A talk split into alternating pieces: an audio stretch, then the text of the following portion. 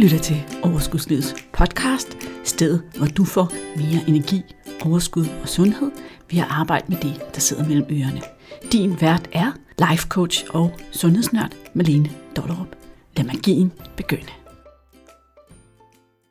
Jamen hej og velkommen til podcasten. I dag der skal vi snakke med Karolina Bjørk, og en stor del af Karolinas forretning handler om at hjælpe andre i gang med at drive forretning, hvor hjertet og intuitionen er med, og hele den der del med at finde ind til sin kerne og lytte til vores hjerte. Og jeg har fulgt dig gennem mange år, og jeg har også været på nogle af dine forløb, og du har også lavet nogle forløb, som er mere personlige end forretningsorienteret. Ikke? Det er mange år siden, du det er faktisk dig, der var med til at lære mig at give slip på det her med at burde og skulle. Og jeg beundrer dig virkelig på mange måder, men jeg tænker, jeg har en regel i den her podcast, når der er gæster, og det er, at de skal have lov at introducere sig selv ved bare at prale af det, de har allermest lyst til at prale Så, Karolina, hvad er din superpowers? Hvad er min superpowers? Ja, det er et godt spørgsmål. Hvad er noget af det, som jeg synes, jeg er bedst til, og som jeg synes, der er sjovest, det er at hjælpe selvstændige med at lave en strategi, og ikke bare lave en strategi for hovedet, men lave en strategi for dem selv med. Det er også det, du nævner, det der med, med hjertet intuition. Ikke? Så det der med, at de faktisk får skabt en forretning og får skabt en måde at udtrykke sig på og tiltrække kunder på, som, som passer til dem. Og så det er sådan svært. Det, jeg tror, det ord prale, så bliver jeg alligevel sådan lidt sådan, så skal det være det meget stort. Flot. Endelig får man lov at prale. Ja. Og så tror jeg, noget af det, jeg altid har været god til faktisk, det er at få en idé, og så sige, hvordan kan jeg tjene penge på det? Og så har jeg gjort det. Og, og jeg har aldrig, altså det, det er meget, meget sjovt, ikke? for der er mange, der ser meget af det, som jeg gør som mod. Og for mig er det ikke mod, for mig er det, der er ikke andre alternativer, end at gøre det, jeg kan mærke, jeg skal gøre, fordi så bliver jeg syg. Altså jeg, jeg, kan ikke, jeg kan ikke tåle ikke at gå med mit hjerte og gå med min intuition. Så derfor gør jeg mange ting, som, som nogen tænker, det er sådan helt crazy. Altså sidste år, der lavede jeg en julekalender, som kom ud til en million mennesker på Facebook. Og, det, og det, jeg fandt på den to dage før. 1. december. Og hele den der, for eksempel det der med at være sjov, og gå ind i det der rum. For mig er det mest naturlige i hele verden, og det er det nemmeste i hele verden. Og, og ikke noget, der kræver, at, altså, det, det, det kræver ikke mod for mig at sætte mig ned og være grim og sjov. Det er helt naturligt. det er så fint. For ved du hvad, jeg har faktisk andre mennesker tit spørger her. Undskyld, hvad? Det, der, det, det andre tit siger, det er den der, at, at jeg får en idé, og så gør jeg det. Jeg tror også, det er det, der har bragt mig rigtig langt. Men jeg har lært meget tidligt i mit liv, at hvis jeg ikke gør det, hvis jeg ikke går med det, jeg kan mærke, der er rigtigt, så, så ryger jeg sådan helt ud af. Altså, så får jeg det virkelig, får det virkelig dårligt. Så det bliver, jeg bliver bare nødt til at gøre det. Hvordan dårligt? Prøv lige at fortælle, hvordan du får det dårligt. Jamen jeg, altså i 20'erne, der havde jeg led meget angst og depression. Ikke sådan en klassisk depression, hvor jeg lå i min seng med meget humørsvingning og sådan noget. Så jeg er meget sensitiv. Jeg kan stadigvæk også godt få angst, faktisk. Og, og det er meget ofte et udtryk for, at der er sådan lige et eller andet, jeg ikke lige har fået ryddet op i, eller noget, jeg ikke... Altså, så er der sådan en misalignment, ikke? Altså, hvor jeg, der lige, jeg skal lige justere kursen en lille smule. Så du ved simpelthen, når du begynder at få noget mere... Det, altså, når du begynder at føle, der er lidt mere angst, depression, mast på vej ned i sengen, så ved du, nu er der noget, der skal justeres. Ja, så er der i hvert fald noget, jeg skal lytte til, som jeg ikke helt har lyttet til, ikke? Ja. Eller så er der noget gammelt sæt, der skal ryddes op, sådan er det også nogle gange. Og det gælder vel egentlig også for alle andre. Vi er måske bare ikke så gode til at mærke efter. Ja, måske. måske. Det, det, er, det, det er nok, det giver mening. ja. Karoline, inden, fordi det her er en sundhedspodcast, så jeg vil spørge dig om nogle ting omkring de typer sundhed. Men inden vi går til det, så kunne jeg godt lige tænke med det her med, at du sagde også det her med, at du ikke er grim, bange for at være grim og fjollet og sådan noget på Facebook.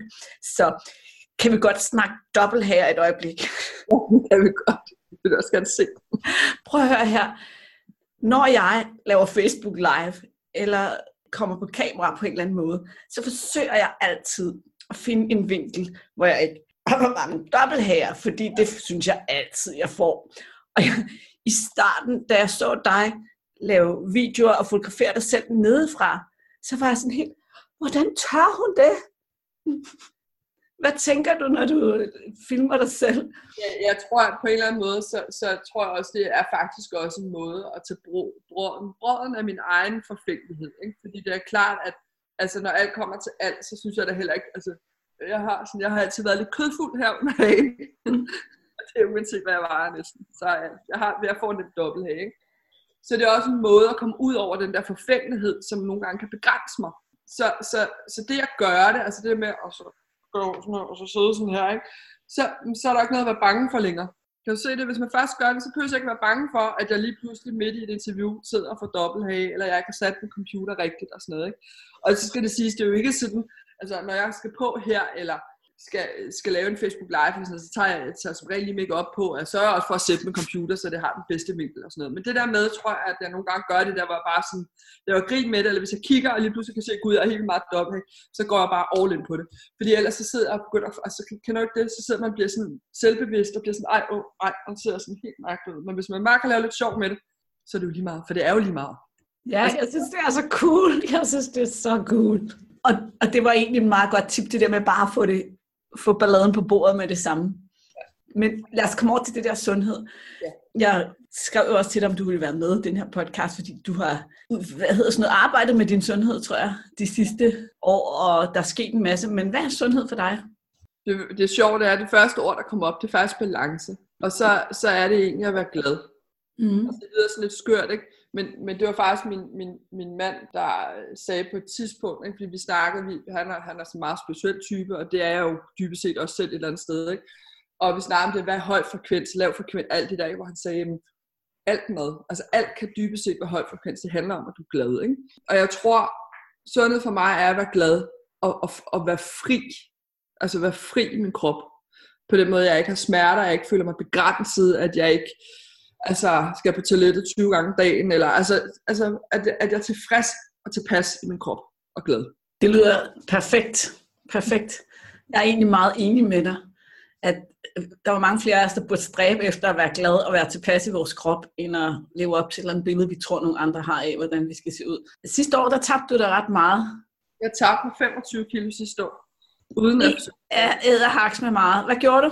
Hvad gjorde jeg? Jamen, øh, jeg startede med at blive skilt. så til alle lytterne, det er bare blive skilt. ja, det startede for to, to år siden. Nej, øh, man kan sige, det startede med, at jeg blev skilt, og det tror jeg, øh, det, det var, altså du ved, jeg, jeg var meget presset med mit arbejde, jeg var meget presset med mit ægteskab, mit familieliv, og, og der kan man sige, så tog jeg i hvert fald noget ud af ligningen, der pressede mig. Ikke? Og så begyndte jeg at gå en masse ture, fordi vi havde lige en periode, hvor vi stadigvæk boede sammen, så jeg gik virkelig mange ture, og det tror jeg faktisk, at med at komme ud og fik bevæget mig, det hjalp rigtig meget. Og så begyndte jeg at grine mere. Altså jeg blev simpelthen, altså jeg var simpelthen glad at bruge mere tid sammen med mine veninder. Så begyndte jeg at date, det var også rigtig sjovt. Øhm, og, og, så, og så begyndte jeg til Bikram yoga, som er sådan noget øh, i et varmt rum, og det er ret hårdt. Og jeg har faktisk altid haft svært ved at komme i gang med noget med bevægelse. Det har været sådan noget, så er gået i gang med noget, så er kommet væk fra det igen. Trænet mange år med kettlebells, eller ikke i mange år, det har jo så været et halvt år måske, ikke? og så kom jeg væk fra det igen, og så gik jeg lidt i gang igen, og så svømmede jeg lidt, og så, altså du ved, men jeg har aldrig ligesom kunne holde fast i noget. Men Bikram, det blev jeg meget bit af, og jeg gik til det i 10 måneder, før jeg så stoppede. Ikke? Men det er nok også det længste, jeg nogensinde har gået til noget. Jeg endte med sidste sommer. Jeg var simpelthen, jeg var virkelig stærk, og jeg vil ikke sige, at jeg var sådan, altså, jeg var ikke super slank. Jeg tror, jeg var nede på omkring 4-85 kilo, men jeg havde så også mange muskler. Ikke? øh, eller større muskler i forhold til, hvad jeg har haft før. Ikke? Men jeg var i hvert fald øh, meget tilpas og følte mig meget fri i min krop, og det der med, at jeg kunne sådan løfte, bare løfte mine børn op, altså sådan, ikke? og de er 5, 7 og 9, ikke? Og, og jeg sådan, øh, brugte min krop, bevægede min krop på en, altså på en, en balanceret måde, ikke? altså brugte min krop rigtigt. Og så stoppede jeg at spike og så mødte jeg min mand. Og hvad skete der så? tog jeg næsten alle kilo. Ej, jeg, ikke, jeg tror ikke, jeg tager alle. Jeg måske taget 15 kilo på igen. Og det, der skete, det var, at jeg blev sådan helt øh, svømmet ind i den her forelskelse. Vi var meget, det var sådan noget virkelig sådan kærlighed ved første blik, og sådan noget. Vi blev sådan helt suget ind i hinanden, ikke?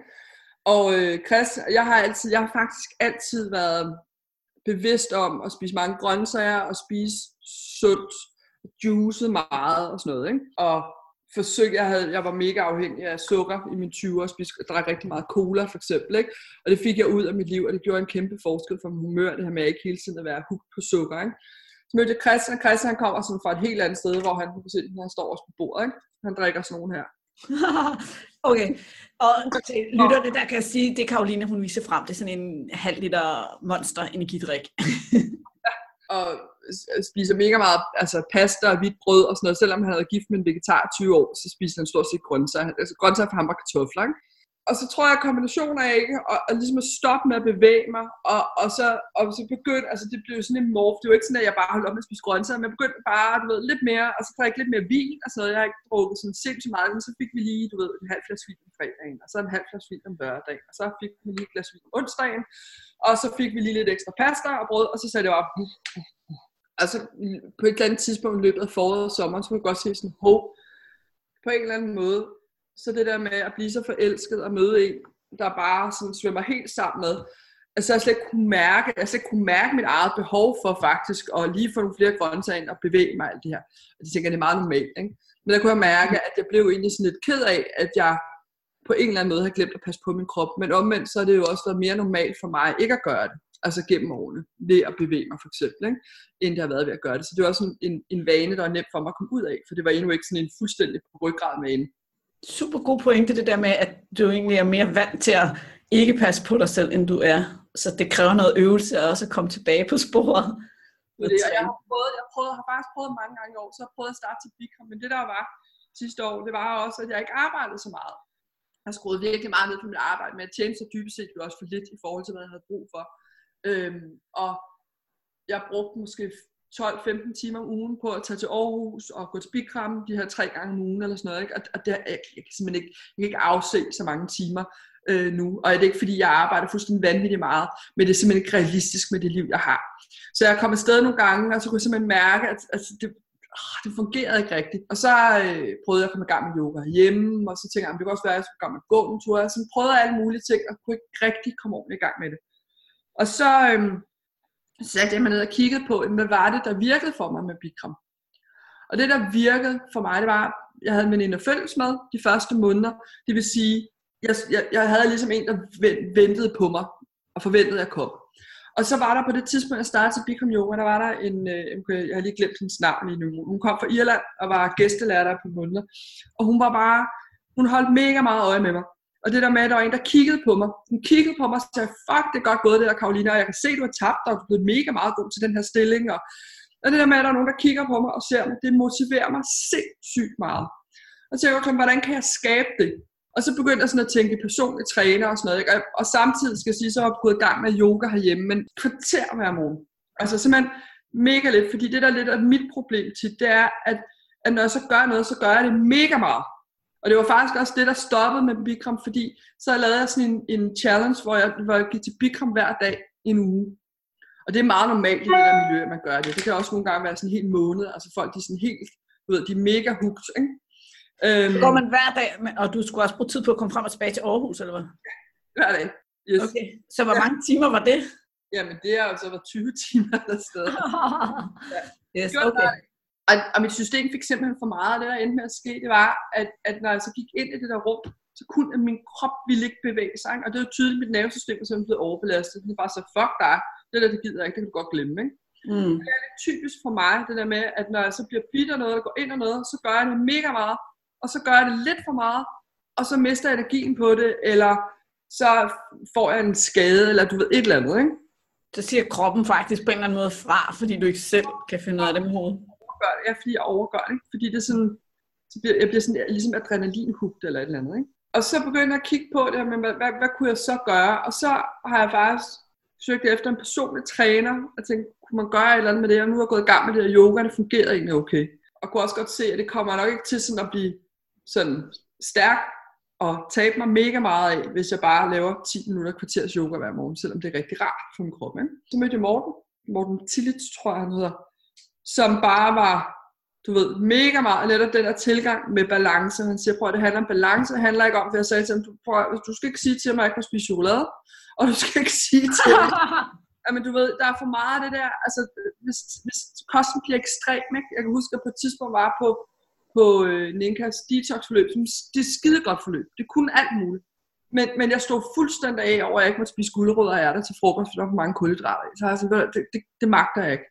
Altså, jeg får en instant spiseforstyrrelse, hvis jeg får sådan en kostrestriktion. Så begynder jeg at spise croissanter for 7-Eleven, og det gør jeg altså ellers aldrig. I stedet for guldrødder er der. Præcis. Exakt. Ja. Så Morten, han, øh, han har sat mig til, at tre dage om ugen, øh, efter jeg havde yoga, så laver jeg en sekvens med kettlebells, som varer 3-4 minutter eller sådan noget. Altså det varer ikke særlig lang tid. Og, øhm, og så søger jeg mig en gang om ugen med min eksmand. Og, øhm, og så går jeg jo ture, jeg har fået hunden, så jeg går ture med dem en gang imellem, og så træner jeg en gang om ugen med Morten. Og så sender jeg Morten en madplan hver uge, fordi for mig er, er altså øh, en måde at begrænse mit indtag af alt muligt, jeg ikke skal spise, det er simpelthen, hvis jeg bare laver en madplan. Hvis jeg har en plan, så ender det ikke med, at jeg sidder og spiser to plader chokolade til frokost, i stedet for at spise frokost. Fordi så hvis du ikke tænker over, hvad du skal spise, så skal du bare spise det, der står på planen. Præcis. Og jeg har faktisk også overvejet meget, at jeg burde være med i en food prepper klub, fordi at det er en af de ting, jeg kan se, det vil spare mig meget tid, det er faktisk det her med at, at, at simpelthen forberede min mad ordentligt. Ikke? Og jeg spiser jo meget, altså, altså jeg, har, jeg har brug for, jeg, kan, altså nu har jeg, jeg får nogle gange sådan en, øh, nogle måltidskasser, som er øh, fattige på kulhydrater, kan man sige. Men jeg kan også se nogle gange, så kan det simpelthen blive for meget, altså at blive for kedeligt. Altså jeg har brug for, at der, altså, der skal være noget fedt, og så skal der måske være nogle søde kartofler, eller et eller andet, der bare er sådan en lille smule kulhydrater i, ellers så går mit system i hvert fald koldt. Og hvad med din mand? Altså nu sagde du, at han kunne godt lide at spise mange kulhydrater. Bliver han så ikke også træt af de der kasser uden kulhydrater? Eller? Nej, men egentlig ikke. Altså jo, altså jeg tror, vi bliver trætte af det samme. Altså nu, nu er det sådan nogle kasser fra nemlig.com, som er, de er helt vildt gode. Altså øh, meget af det er helt vildt godt, ikke? Men nu så var der været sådan en ret for eksempel med, med laks, og så er der en salat med rå fennikel og rå hvidløg, og så meget lidt hakket mandler i, ikke? Og det vil sige, for at blive mæt, så skal man jo spise, der er også virkelig meget hvidkål og, og ikke? men så skal man, jo, skal man jo spise altså sådan en kæmpe skål. Ikke? Og det er sådan, jeg, jeg, jeg får simpelthen ikke tykket mig igennem. Altså så mange, så meget hvidkål og fænkel. Og det bliver vi begge to trætte af. Men ellers så spiser han det der, han er sådan, altså, han kan ikke mærke, altså han kan jo ikke mærke en kæmpe forskel, som jeg kan, men for mig er det en, gør en kæmpe forskel for mig at få de der grøntsager, altså. Og jeg bliver også, øh, altså, jeg håndterer ikke kulhydrater så godt, når jeg, når jeg kan man sige, er blevet tyk. Altså er det svært for dig at håndtere kulhydrater, når du vejer mere, end når du vejer mindre? Ja, og når jeg ikke træner. Ja, ja. ja jeg tænker også, det er især træningen, det der med, sådan oplever jeg det i hvert fald tit. Det, hvis jeg holder min træning ved lige, så er det ligesom om, så kan jeg bedre håndtere nogle kulhydrater, uden at gå helt øh, i ja, det er, det er en kombination. Altså, men, men jeg tror også, det er helt klart træning. Jeg kan i hvert fald mærke nu, at, at jeg kan godt spise, øh, nu kan jeg ikke så godt tåle gluten, men så kan jeg spise glutenfri pasta. Så jeg kan godt tåle at spise en pasta med masser af grøntsager og kød og sådan noget nu. Og hvor at for tre måneder siden, så altså falder jeg nærmest i søvn bagefter. Ikke? Altså bliver sådan helt træt. Det gør jeg ikke nu. Altså, så, jeg har en masse spørgsmål. Det, den ene gang, du mødes med din træner, det er så et fitnesscenter, eller? Det er, øh, ja, det kan man godt sige, det, der ligger lige ikke så langt væk fra mig, er der sådan et crossfit-center, så det, jeg vil ikke kalde det fitnesscenter, men derhen af. Ja. ja, ja. Og så træner, og så får du faktisk det, du også fik til Bikram, altså det her med, at der er en, der holder øje med dig og siger, hvad du gør godt, og hvad du skal ja, gøre mere. Ja, og altså også mellem vores sessioner, det der med, fordi han laver så ligesom mit program. Nu har jeg, jeg har sådan en skulder, der nogle gange driller, så han lavet et program. Så skifter vi lige Øh, Øh, hvad hedder din swings ud med højre hånd swings, så du ikke skal bruge den venstre arm, og sådan, så, ved, så laver han sådan forskellige ændringer. Ikke? Og så sætter jeg madplan til ham, og skal lige holde ham opdateret. Og så, øhm, ja, og så når vi træner, så har jeg den der altså kontakt med ham, ikke? og han er jo fuldstændig sådan, nej, din teknik er bare mega god, fordi jeg har jo faktisk trænet rigtig meget med kettlebells, ikke? Og, og så er jeg sådan, jeg er mega sokker for ro, så jeg bliver mega motiveret af det. Og så tror jeg, at han har rettet ud, han arbejder meget med motivation og sådan noget, rettet ud det der med, at jeg har simpelthen brug for at gøre mindre, end jeg tror, jeg kan. Og det er jo meget, altså, det er meget klassisk, ikke? Meget klassisk. De første par uger var gået, hvor jeg ligesom var sådan helt, og var, ja, det er, bare, det er bare det, jeg skal, jeg er mega motiveret. Så efter de første to uger, så har jeg sådan lidt, på bare være, ej, det gider faktisk ikke rigtigt, vel? Men, men så var det så lidt, ikke? tre minutter efter yoga, det kan jeg godt lige klare. Mm. Altså, det er så lidt, det kan jeg godt klare selv, med jeg gider, ikke? Og det tror jeg, den havde han regnet ud for mig. så jeg rent faktisk fik det gjort, ikke? Ja, så, du, så i starten skulle du bare lave tre minutters kettlebell-træning efter din yoga? Men det, og det gør jeg, altså, er, jeg faktisk stadigvæk på. Det er, det er meget lidt, men, men det er jo samlet, fordi jeg får også svømmet, jeg får gået mine ture, jeg får lavet yoga hver dag, de der kvarters tid, ikke? og så træner jeg en gang om ugen med ham. Og jeg kan bare mærke, at nu er gået, altså nu er gået, altså, der er ikke gået helt to måneder nu, men der er gået et par måneder, ikke? Og jeg kan virkelig mærke en forskel på min altså bevægelsesfrihed. Ikke? Altså at have mere energi, at dør ikke i løbet af dagen og sådan noget. Så, så det er allerede, og, og jeg kan også passe mine støvler. Men jeg vejer mig ikke. Jeg har målt mig én gang, og så måler jeg mig igen om to måneder. Og det handler simpelthen om, at for mig, jeg er faktisk ikke motiveret af at få en, en krop, der ser ud på en bestemt måde. Altså det er dybest set ligegyldigt for mig, fordi det hele Bikram-eventyret jo også viste mig, det er jo det der med, at det handler ikke om, at jeg skal tabe mig. Jeg forsøger faktisk ikke tabe mig, men det handler om, at jeg skal leve på en måde, som jeg kan leve hver dag, resten af mit liv, og som gør, at jeg er stærk, og føler mig glad, og føler mig fri i min krop. Og det bliver jo ikke af, at jeg går til Bikram i ni måneder, og så stopper. Så det er noget med at finde en, en måde at leve på, altså det der med, at det er jo livsstilsændring, ikke? Altså, finde en måde at leve på, som jeg kan blive ved med at holde. Og så er det jo så, om jeg så vejer altså 75 eller 85 eller 90 kilo. Altså jeg, er, altså jeg er ikke så optaget af det. Det er jeg ikke. Altså jeg kan mærke, at jeg bliver ked af, når jeg kigger mig i spejlet og kan se, hov, jeg har virkelig taget meget på, fordi jeg ser det som udtryk for, at jeg ikke har passet på mig selv. Super god pointe, ja. Men om, om, altså, om min røv er sådan her, eller sådan her, eller om, om jeg har en mave, eller ikke, altså du ved, det, det, det kan jeg mærke, det, det er ikke det, der driver mig. Det er det ikke. Jeg tror, jeg tror i virkeligheden, der er mange, der har det sådan. De, de tror, at det, de arbejder hen imod, det er en eller anden bestemt vægt. Ja. Men i virkeligheden, så det, som de fleste af os mennesker har, det er netop det, du siger med, at jeg føler mig stærk, jeg føler mig godt tilpas i min krop. Og så, hvad der står på den der vægt, egentlig også meget. Du, du sagde jo også selv, at på det tidspunkt, hvor du havde tabt dig allermest, så, så så det egentlig ikke så flot ud på vægten, for så havde du fået nogle flere muskler, ikke? men det var fedt at have muskler. Og det er faktisk, jeg ser Morten af person 3, siger simpelthen, altså du, du, må ikke, du må gerne måle dig, og så måler du igen om to måneder. Du må ikke måle dig en gang om ugen, eller 14. dag. Og det kunne jeg også mærke, at jeg havde den der for det, det er jo ikke det, det handler om. Og jeg, og jeg var ikke, altså jeg var vidderlig, jeg, jeg, jeg tabte mig jo. Altså jeg opdagede faktisk ikke, at jeg tabte mig sidst. Fordi jeg havde sådan noget meget stretchy tøj. Så jeg, jeg opdagede det ikke. Folk så sagde, ah, har du ikke tabt dig? Og så nej, ah, det tror jeg ikke. Så fandt, altså jeg havde ikke engang vægt, vel? Og så varede mig så sådan, fuck jo, jeg har tabt. så, og så med Bicom, så de første tre måneder tabte jeg mig mere, altså tror jeg, jeg tabte mig 10-15, altså tabte mig 10 kilo måske, ikke? Og så de sidste 4-5 måneder tabte mig jo ikke særlig meget, men min krop blev fuldstændig ommøbleret, ikke? Fordi jeg så har tabt fedt og taget muskler på, ikke? Og, og jeg synes, der er, jeg er faktisk meget som konkurrencemenneske, ikke? Så for eksempel så har Morten så været i gang med at lave sådan noget dødløft, sådan noget med altså en vægtstang og sådan nogle skiver på den. Det kan jeg mærke, det synes jeg er sjovt. Det er mega sjovt at løfte noget, der er tungt, og blive bedre til at løfte noget, der er tungt. Og så se, hvornår du kan løfte noget, der er tungere, end du kunne. Ja. Altså, så, så der er sådan noget, der er noget i det, jeg synes, der er sjovt, og det er det, jeg skal finde i hvert fald, for jeg er motiveret, det der med, at det skal være sjovt, ikke? Altså, hvis jeg er ved at brække mig gennem en træning, så er det jo lidt lige meget. Det synes jeg er en super god pointe. Mærkede du også det her med, at når du får trænet og får rørt dig, så får du også automatisk lyst til at passe bedre på dig selv og spise sundere? Det er helt tydeligt for mig, altså for eksempel i går, ikke, så var vi, øh, så var Christian og jeg ude på en date, og så var vi inde og spise inde på Aarhus Street Food, og så havde jeg besluttet mig for, at jeg ville have pomfritter. Jeg kan godt lide sådan nogle gode pomfritter, ikke? Pomfritter, og så købte jeg sådan en øh, vietnamesisk salat, som jeg tit får med noget, med noget kød og sådan noget på, ikke?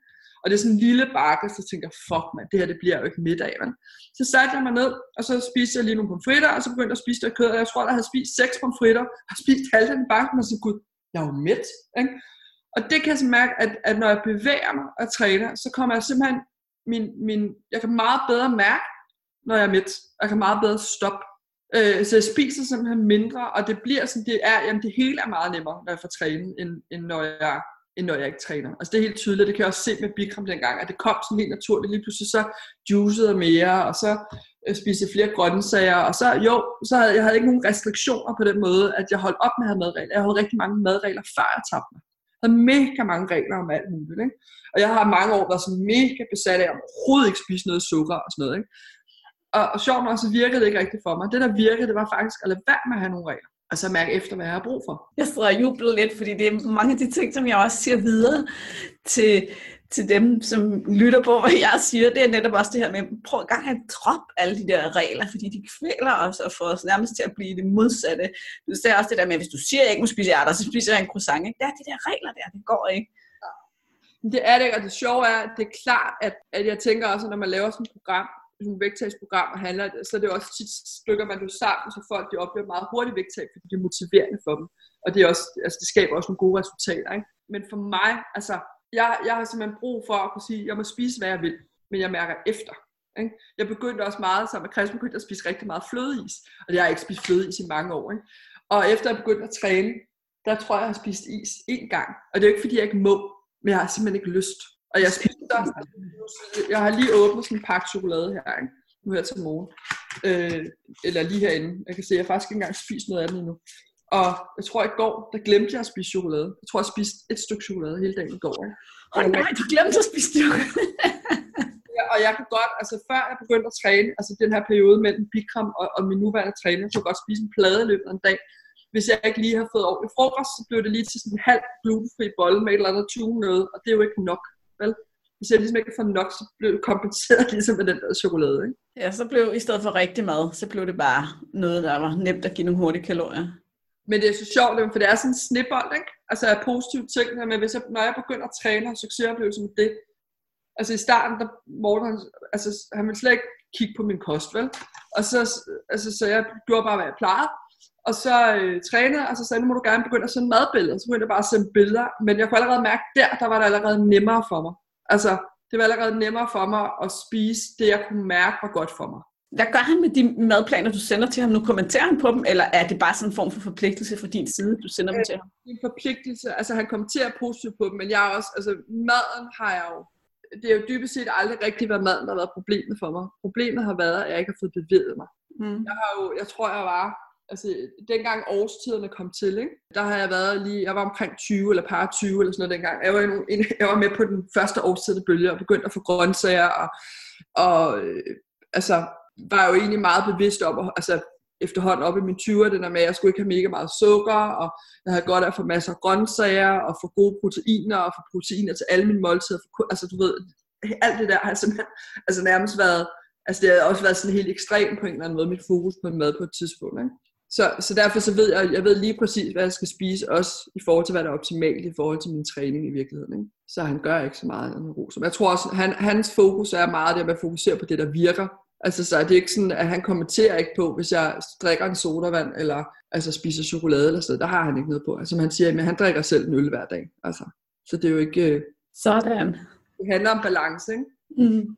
Ja, og det var jo faktisk det, som du startede med at sige, da jeg spurgte dig, hvad er sundhed?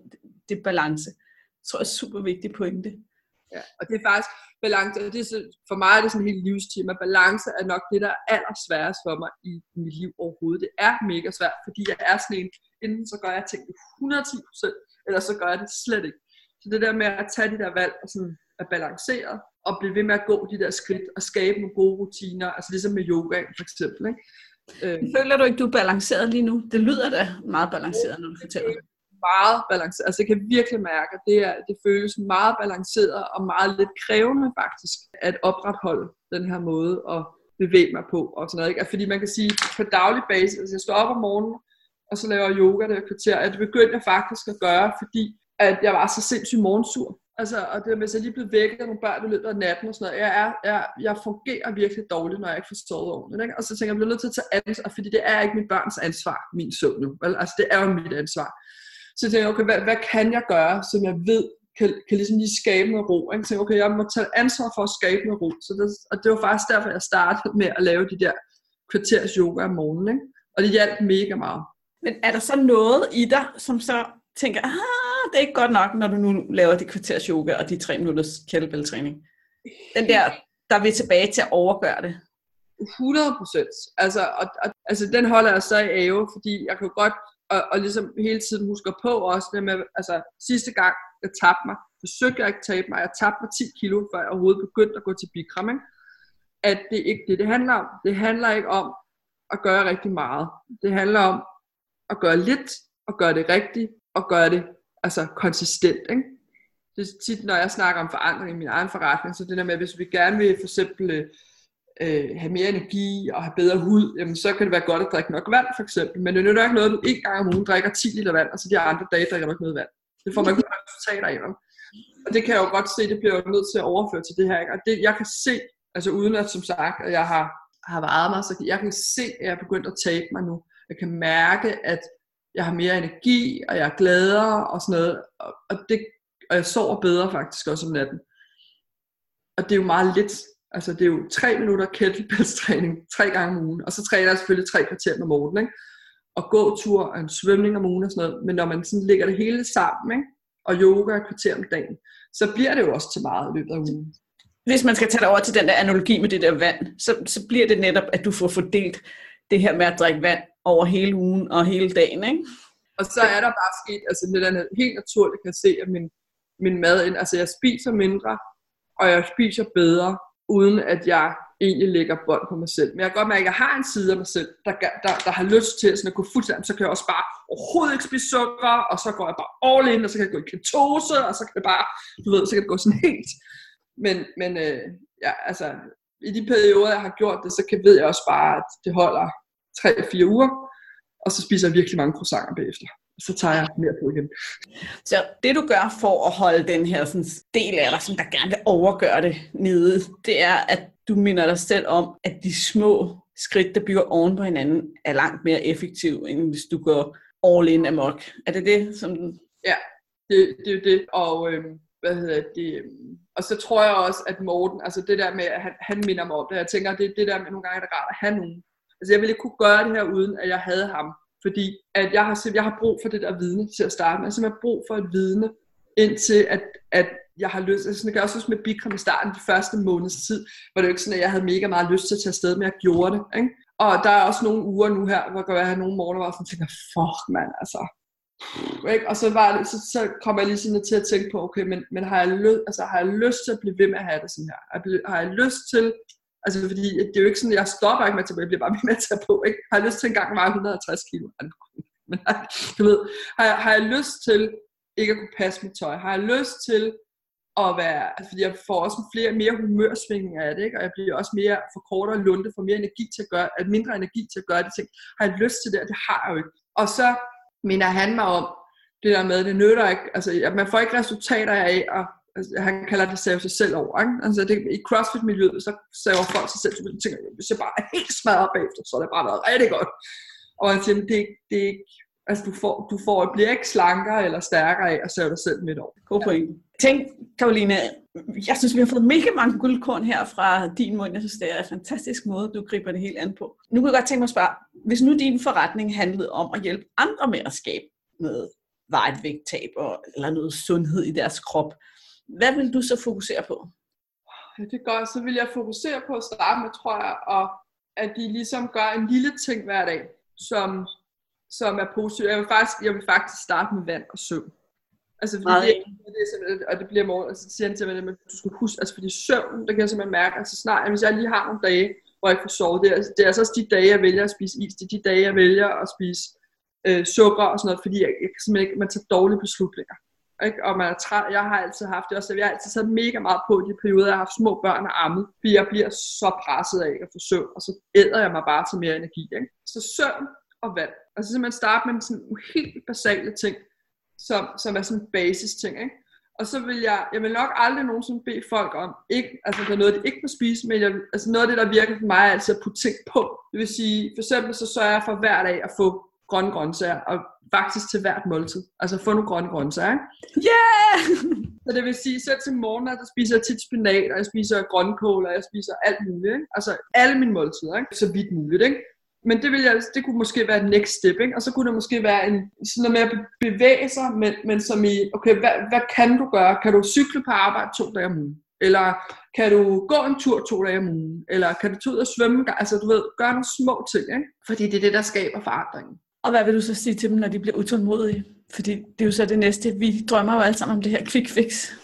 Ja, og, og det findes ikke. Vores hjerne vil gerne have quick fix, men det, men det findes ikke. Og det, der skaber veje forandring, det er, at du hver dag laver uperfekte handlinger. Men som, som er det rigtigt. Det er jo også, at man skaber succes i en forretning i øvrigt. Ikke? Altså det, det er jo præcis det samme, taler om, uanset om det er vægttab, eller du skal tabe dig, eller tabe dig. Det som, som uanset faktisk, om det er du vil have succes i din forretning, eller du vil tabe dig, eller du vil være stærkere. Ikke? Så det, der hjælper mig, og det, jeg kan se, der hjælper mine kunder, det er det der med at vende tilbage til, hvorfor er det, jeg vil det her. Og det er det, jeg selv vender tilbage til. De der dage, hvor jeg sådan ikke over, så okay, hvad er det, jeg vil med det her? Jeg vil være stærkere i min krop. Jeg vil være fri i min krop. Jeg vil ikke have smerter. Jeg vil ikke føle mig tung. Altså sådan den der, altså det er jo virkelig mange kilo, når man vejer 15-20 kilo for meget, det er mange kilo at bære ekstra på rundt. Ikke? Jeg mærker, når jeg går op ad trapper, ikke? Sådan der, jeg bliver så forpustet, sådan, det har jeg ikke lyst til. Så kan jeg mærke, okay, så, så, så bliver jeg nødt til at fortsætte. Altså, fordi det er enten, enten er det mere det, mere forpustethed, mere følelse af at være tung med flere smerter, altså alt det her, eller så er det den anden vej. Der er ikke, lad, altså lad stå til, det er mere af alt det, du ikke vil have. Ikke? Så det er også at finde tilbage til, til kalder man markedsføring, kalder man for sit why, ikke? men det der med, hvad er det, din indre motivation er, ikke? Mm-hmm. Og for nogen vil det jo være at få en krop, der ser ud på en bestemt måde, men så er det bare det, du går efter. Men for mig er det bare ikke, altså, jeg er lidt ligeglad, om jeg har en del på maven eller ej. Tak.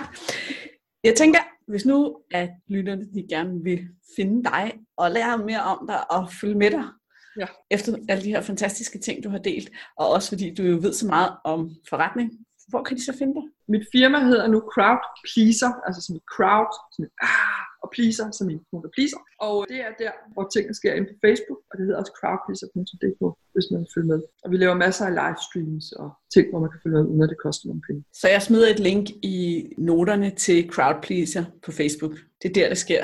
Det er der, der sker. Det er der, der sner. Det er det sker.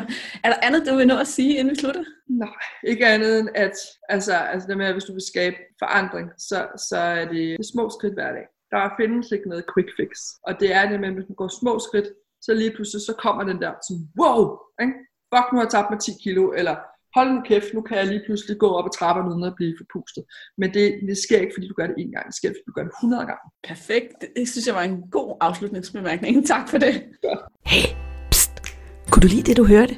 Så glem ikke at gå ind og anmelde podcasten og give den lige så mange stjerner, som du synes, den fortjener. Du skal vide, at din feedback betyder virkelig meget for mig. Tak.